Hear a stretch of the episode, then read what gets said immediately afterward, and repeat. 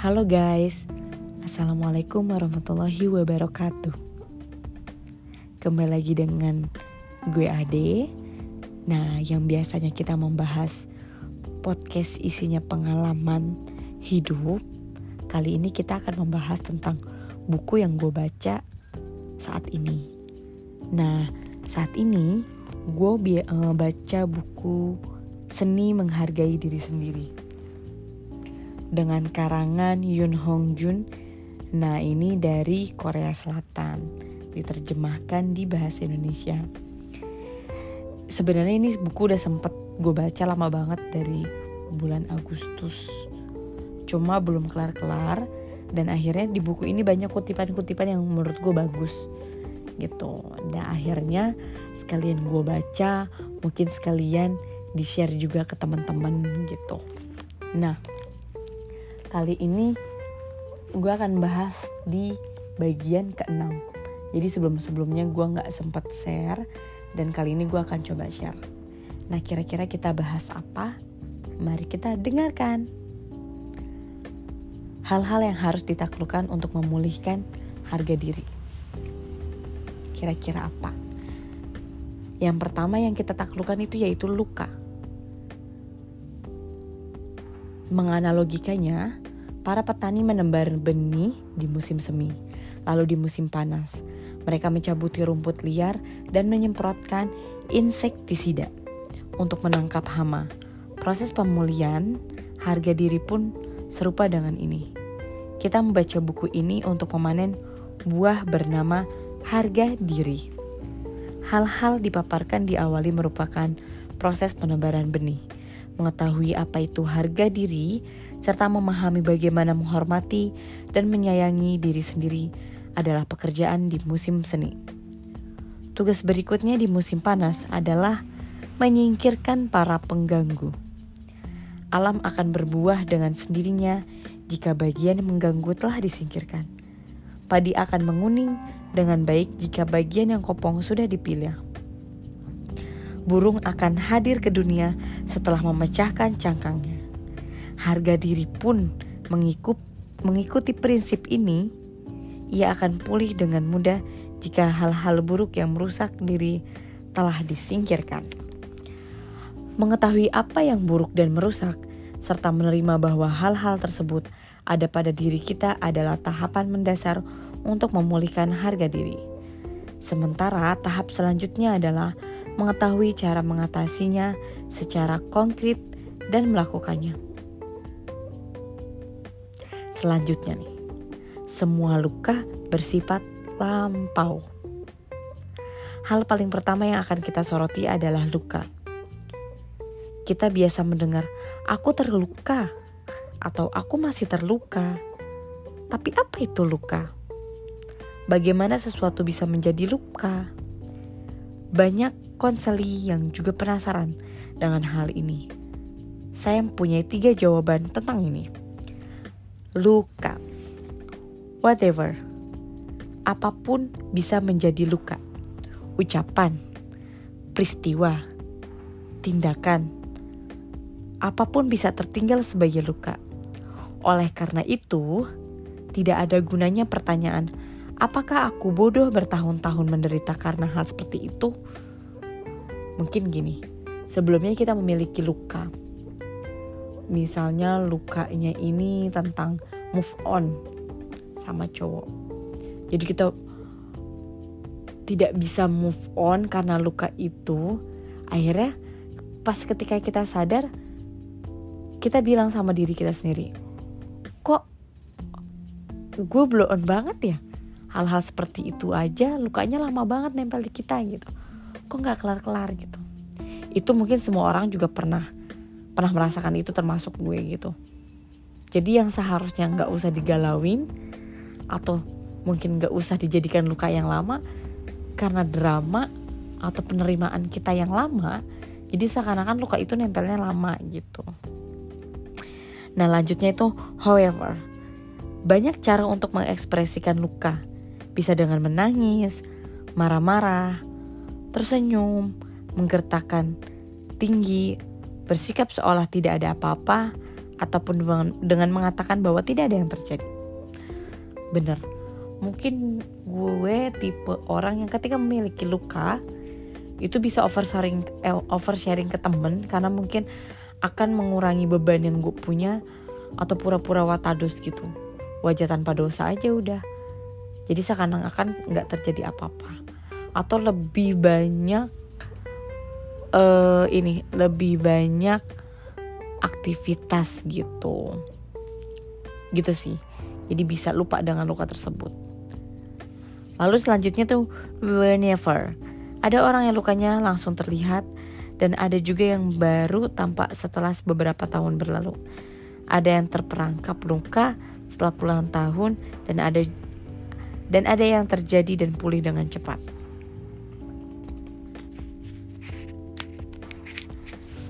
Nah, banyak orang bertanya apakah trauma merupakan luka masa lalu yang mengaruhi kehidupan sekarang? Jawaban saya selalu sama. Bisa juga begitu, bisa juga tidak. Cara luka muncul sangat beragam dan tidak ada aturan yang pasti, benar. Meskipun demikian, ada satu hal yang pasti, semua trauma terjadi di masa lalu, kita dapat mengasosiasikannya dengan gambar katak yang besar. Semua anak akan ketakutan, mundur, atau menangis bila diperlihatkan gambar katak yang besar. Padahal gambar tersebut tidak akan menyakiti mereka, mereka hanya tidak bisa mendengar kata tidak apa-apa karena terlalu ketakutan melihat gambar katak itu. Begitu pula dengan diri kita terhadap trauma. Jadi di buku ini itu menganalogikan hal sesuatu itu menurut gue agak rumit dan agak harus dibaca berkali-kali baru paham gitu loh, tidak disederhanakan. Nah selanjutnya itu baik akibat trauma. Ada seseorang tokoh perempuan, kali ini analoginya juga sulit dipahami menurut gue, bernama Jenny dalam serial Amerika The Lee Ward. Di awal ia muncul sebagai karakter biasa yang akan menikah dengan kasih prianya. Tapi suatu ketika, ia tergoda dan jatuh cinta dengan seorang perempuan pemilik kedai kopi. Lalu mulai memperlihatkan kepribadian atau pribadi yang ekstrim dan rusak. Ia mengadu domba dan melukai teman-teman serta dirinya sendiri. Penonton Korea Mela Belly perempuan ini dengan sebutan si Sintingjen, sebuah karakter yang mirip gunung berapi aktif yang tidak tahu mau memercik ke mana. Sebenarnya, Jenny pernah mengalami pelecehan seksual sewaktu kecil. Wow, orang tuanya tidak melindunginya dan berusaha berusaha menutupi kejadian itu. Jadi mungkin kalau misalnya orang itu ketika tidak kena ketika ketika ketika dia sakit kita harus memvalidasi gitu. Orang-orang sekeliling harus memvalidasi bahwa dia sakit dia dia kenapa-napa gitu. Jadi jangan pura-pura tutup mata seakan-akan orang itu kuat gitu. Jadi seakan-akan ini orang gak kenapa-napa padahal ya kenapa-napa gitu. Lalu dia ini mendapati pelecehan seksual ketika kecil. Nah orang tuanya tidak melindungi dan berusaha menutupi kejadian itu. Bahkan mereka melimpahkan semua kesalahan kepada Jenny Proses ini membuat Jenny semakin terluka dan hidup dalam rasa sakit. Jenny bermimpi menjadi penulis dan mencintai pria normal, tapi ia masih tidak bisa lepas dan kenang dengan kenangan atau dari kenangan yang suram. Ia bahkan berusaha keras melupakan masa lalunya dengan jatuh ke dalam kehidupan seksual yang kacau. Pada akhirnya, ia menjadi penari bugil di bar. Ia beraksi di depan para pria yang bersorak sorai dengan mata jelalatan, kamu akan mengalami masa kecil seperti itu. Kenapa malah bekerja tepat seperti ini? Tanya temannya. Nah, si Jenny ini berkata, karena di sini aku bisa berhenti kapan pun aku mau. Aku bisa memperlihatkan sebanyak yang ingin kuperlihatkan. Aku bisa berhenti di mana pun aku ingin berhenti. Rasanya menyenangkan. Mungkin maksudnya tidak ada yang mengatur kali ya. Nah, selanjutnya pembahasan selanjutnya itu bagian vital hati. Luka yang mengenai hati sering kali meninggalkan bekas benar. dan itu prosesnya untuk penyembuhannya itu lama walaupun kalian healing ke mana pun kalau belum bisa nerima itu luka akan terus ada meski katanya waktu yang akan menyembuhkan benar tetapi area yang belum sembuh dapat menimbulkan perih di, sana sini saatnya riset lupa peristiwa itu selalu saja terbayang dan mengganggu. Benar kalaupun kita sudah berdamai kita sudah ikhlas tapi untuk luka itu masih ada ruang itu. Dan kadang kita bisa tergores dengan fenomena yang sama. Itu banget tuh banget. Tiba-tiba kita nangis. Kayak merasa kok gue pernah ya terjadi seperti ini ya? Gitu itu sering banget gue rasain. Tampak sembuh di luar padahal membusuk di dalam.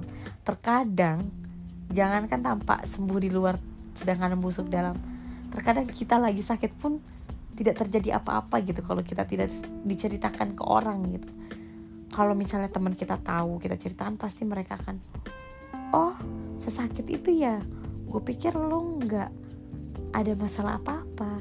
Soalnya kan lo ceria aja orangnya gitu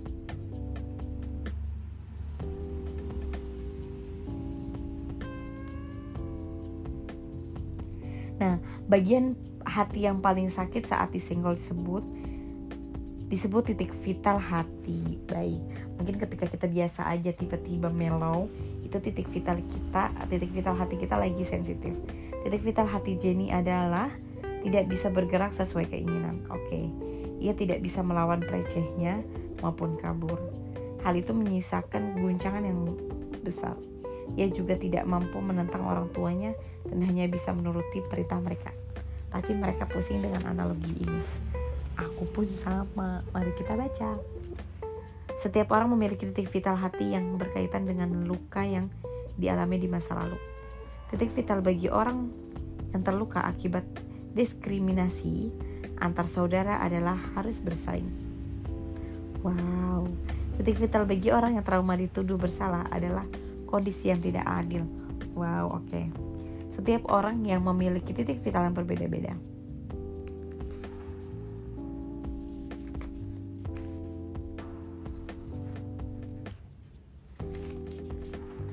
Mekanisme pertahanan untuk melindungi hati. Nah, ini ada satu poin di sini menjelaskan mekanisme pertahanan untuk melindungi hati. Orang-orang yang terluka akan mencari cara untuk menjaga titik vital dan menumbuhkan metode pertahanan diri. Umumnya metode pertahanan diri ini berkembang dengan sendirinya. Maupun demikian, meskipun demikian, ada juga yang mengembangkan secara sadar. Metode atau cara melindungi titik vital hati agar tidak terpapar dan mengalami sakit ter disebut mekanisme pertahanan.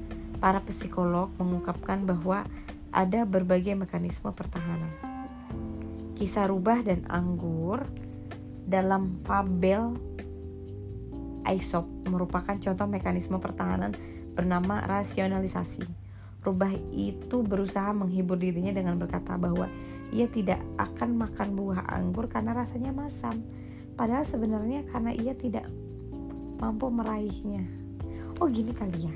Misalnya kita suka sama cowok, ketika uh, si cowok ini nggak suka kita membela diri kita sendiri bahwasanya mungkin cowok itu sibuk mungkin cowok itu memang lagi konsen untuk menata apa ya mempersiapkan keseriusannya kita gitu.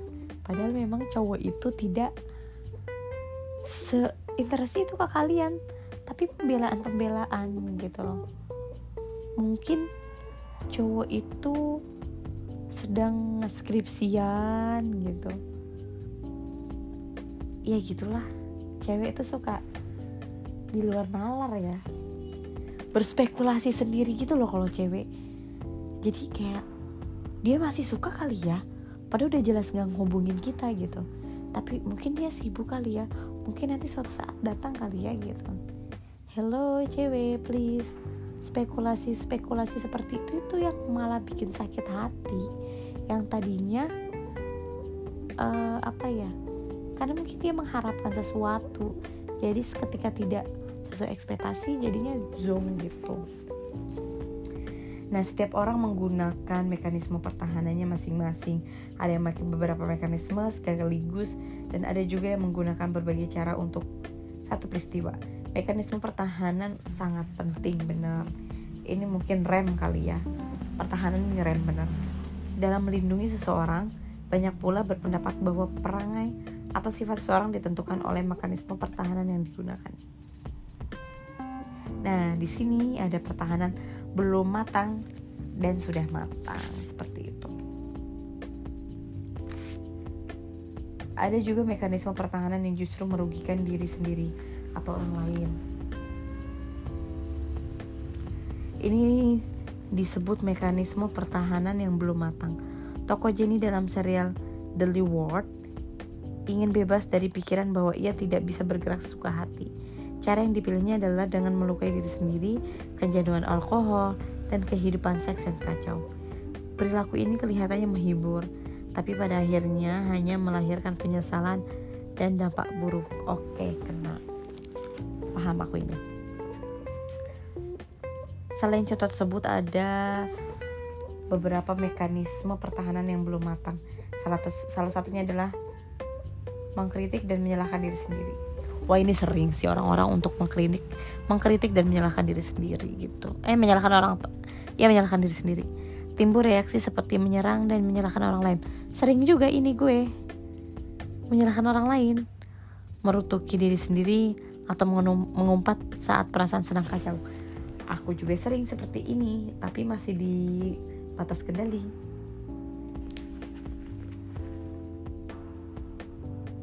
kita kembali.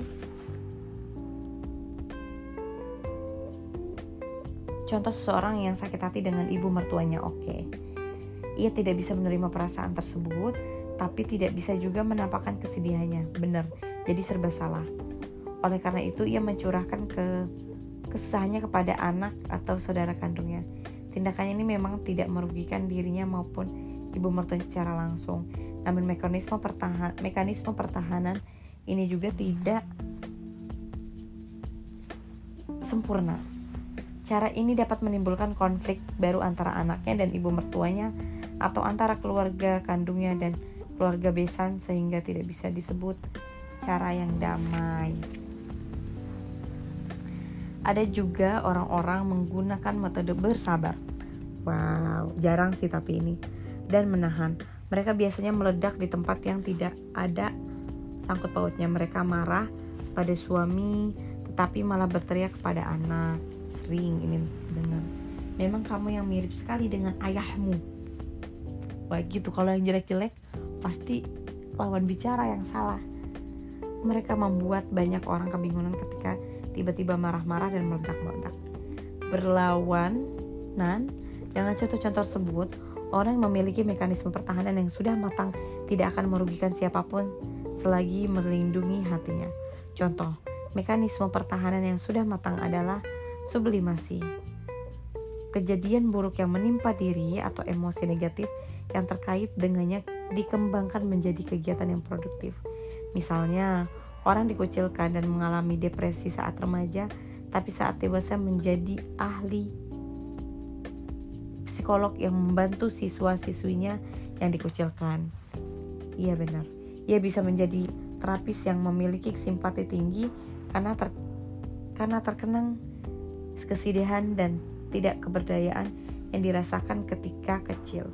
Contohnya, contoh lainnya adalah komposer yang mengubah sakit patah hati menjadi lagu atau penulis yang mengurai lukanya menjadi karya sastra tidak hanya tidak merugikan mereka malah berhasil menghibur orang lain.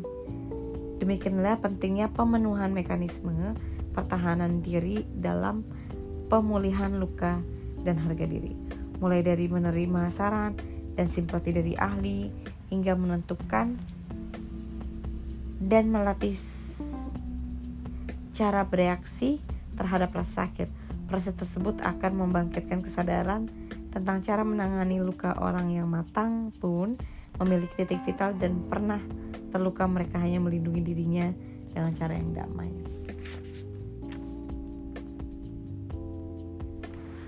Selanjutnya itu poinnya yaitu masa berlalu telah berlalu. Benar, ketika memang yang lalu sudah berlalu gitu. Mungkin sakit, tapi proses. Ada dua hal yang tidak bisa diubah di dunia, orang lain dan masa lalu. Siapa pun akan terganggu oleh luka masa lalu yang menetap hingga saat ini sayangnya masa lalu tidak bisa diubah ataupun dihapus luka masa lalu dapat mengganggu kita di masa sekarang Peristiwa yang sudah selesai sejak lama terasa seolah baru terjadi kemarin. Seseorang yang pernah dirampok 10 tahun yang lalu pernah berkonsultasi kepada saya. Selama bercerita, ia selalu menatap ke pintu. Ketika ditanya alasannya, ia menjawab, saya takut ada penampar maksud lewat pintu itu. Luka yang diperoleh dari orang tua, guru, atau teman, teman saat kecil sesungguhnya adalah peristiwa yang sudah dilewati kita terus mengira bahwa itu terjadi kepada aku yang sekarang. Luka memang menyakitkan, namun jangan lupa bahwa semua luka berbentuk lampau, benar. Aku yang diabaikan dan dibanding-bandingkan adalah aku yang masa lalu. Benar. Kekacauan ini akan pergi jika kita mampu menyingkirkan perasaan tidak menyenangkan di dalam hati. Kita akan merasa kacau apabila perasaan tersebut terus mengendap di dalam kepala. Namun ketika kita mengeluarkannya, kita dapat melihat dengan jelas bahwa semua sudah berlalu. Kita sudah keluar dari sana dan sudah aman sekarang. Sadarilah bahwa orang dewasa yang dulu penganiaya kita kini sudah tua renta, sedangkan kita telah menjadi lebih kuat. Selanjutnya yaitu poinnya katakan kepada otak semua sudah berlalu. Jadi afirmasi kepada diri sendiri bahwa semua sudah berlalu bygone gitu otak kita tidak tahu soal pembicaraan ini otak kita masih kebingungan atau masih sudah tahu tetapi kehilangan kebingungan saat mabuk atau saat kondisi buruk kejadian sudah lewat bercampur aduk dengan masa kini saat menonton film, kita akan bergemetar ketakutan atau berteriak-teriak. Ketika para setan atau zombie muncul secara tiba-tiba, namun setelah film usai dan kita keluar dari bioskop, rasa takut tidak ada lagi relevan lagi dengan dunia nyata. Lalu mirip dengan kondisi itu. Kita harus terus memberitahukan kenyataan tersebut, otak harus dibuat paham sepenuhnya bahwa luka itu sudah berlalu. Pemberitahuan dari luar akan lebih efektif daripada memikirkan secara berulang-ulang di dalam hati. Pusat emosi dan memori yang berada di bagian dalam otak baru akan berfungsi saat mendapatkan rangsangan berupa suasana katakan katakan kepada diri sendiri otak mungkin akan berusaha menolak kenyataan tersebut otak sudah terlalu lama untuk otak tersebut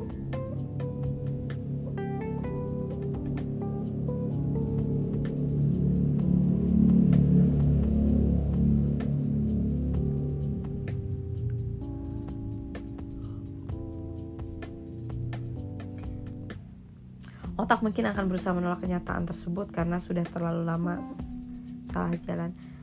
Muncul pikiran-pikiran seperti apa gunanya cara ini? Buat apa aku mengoceh? Apa aku aku atau nanti saja ah gitu. Otak senang dengan hal yang sudah familiar. Ia akan menetap dan menitap meninggalkan ia akan otak senang dengan hal yang sudah familiar itu akan tetapi mempertahankan kondisi yang menyakitkan akibat luka. Jadi harus bagaimana? Ulangi. Perkataan tersebut 100 kali sehari. Buatkan telinga anda terus menerus mendengarnya. Sel telinga sel jantung dan otak. Baik cukup sekian pembahasan buku kali ini tentang luka mungkin ke depannya kita kalau ada ada lagi yaitu pembahasan tentang yang lainnya seperti itu.